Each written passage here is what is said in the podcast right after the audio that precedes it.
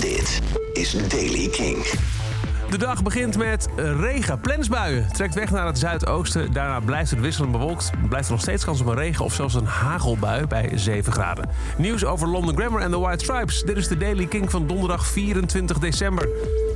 Er komt dus een derde album aan van London Grammar. En dat gaat heten, het weet wel, Californian Soil. En daarvan kennen we ook al de titeltrack. En de eerste single Baby It's You. Maar nu lijkt er een derde track aan te komen.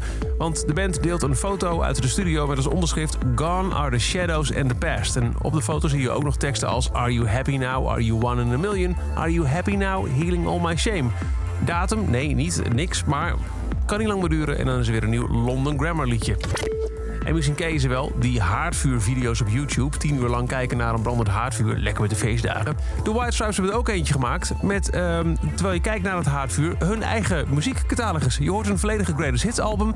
Je hoort wat akoestische liedjes, B-kantjes en hun eigen kerstliedje Candy Cane Children. De video duurt 90 minuten en is zelf een animatiefilm geregisseerd door Noah Sterling. Waarin je onder andere eh, de kerstman ziet, eh, eh, aliens die koekjes bakken, een yeti die aan het chillen is bij het vuur. Nou, van alles en nog wat. En alles in de typische White Stripes kleuren, zwart, wit en rood met een vleugje grijs. En tot zover de Daily King. Elke dag een paar minuten bij met het laatste muzieknieuws en nieuwe releases. En de Daily King is weer terug na de kerst. Fijne dagen. Elke dag het laatste muzieknieuws en de belangrijkste releases in de Daily King. Check hem op king.nl of vraag om Daily King aan je smart speaker.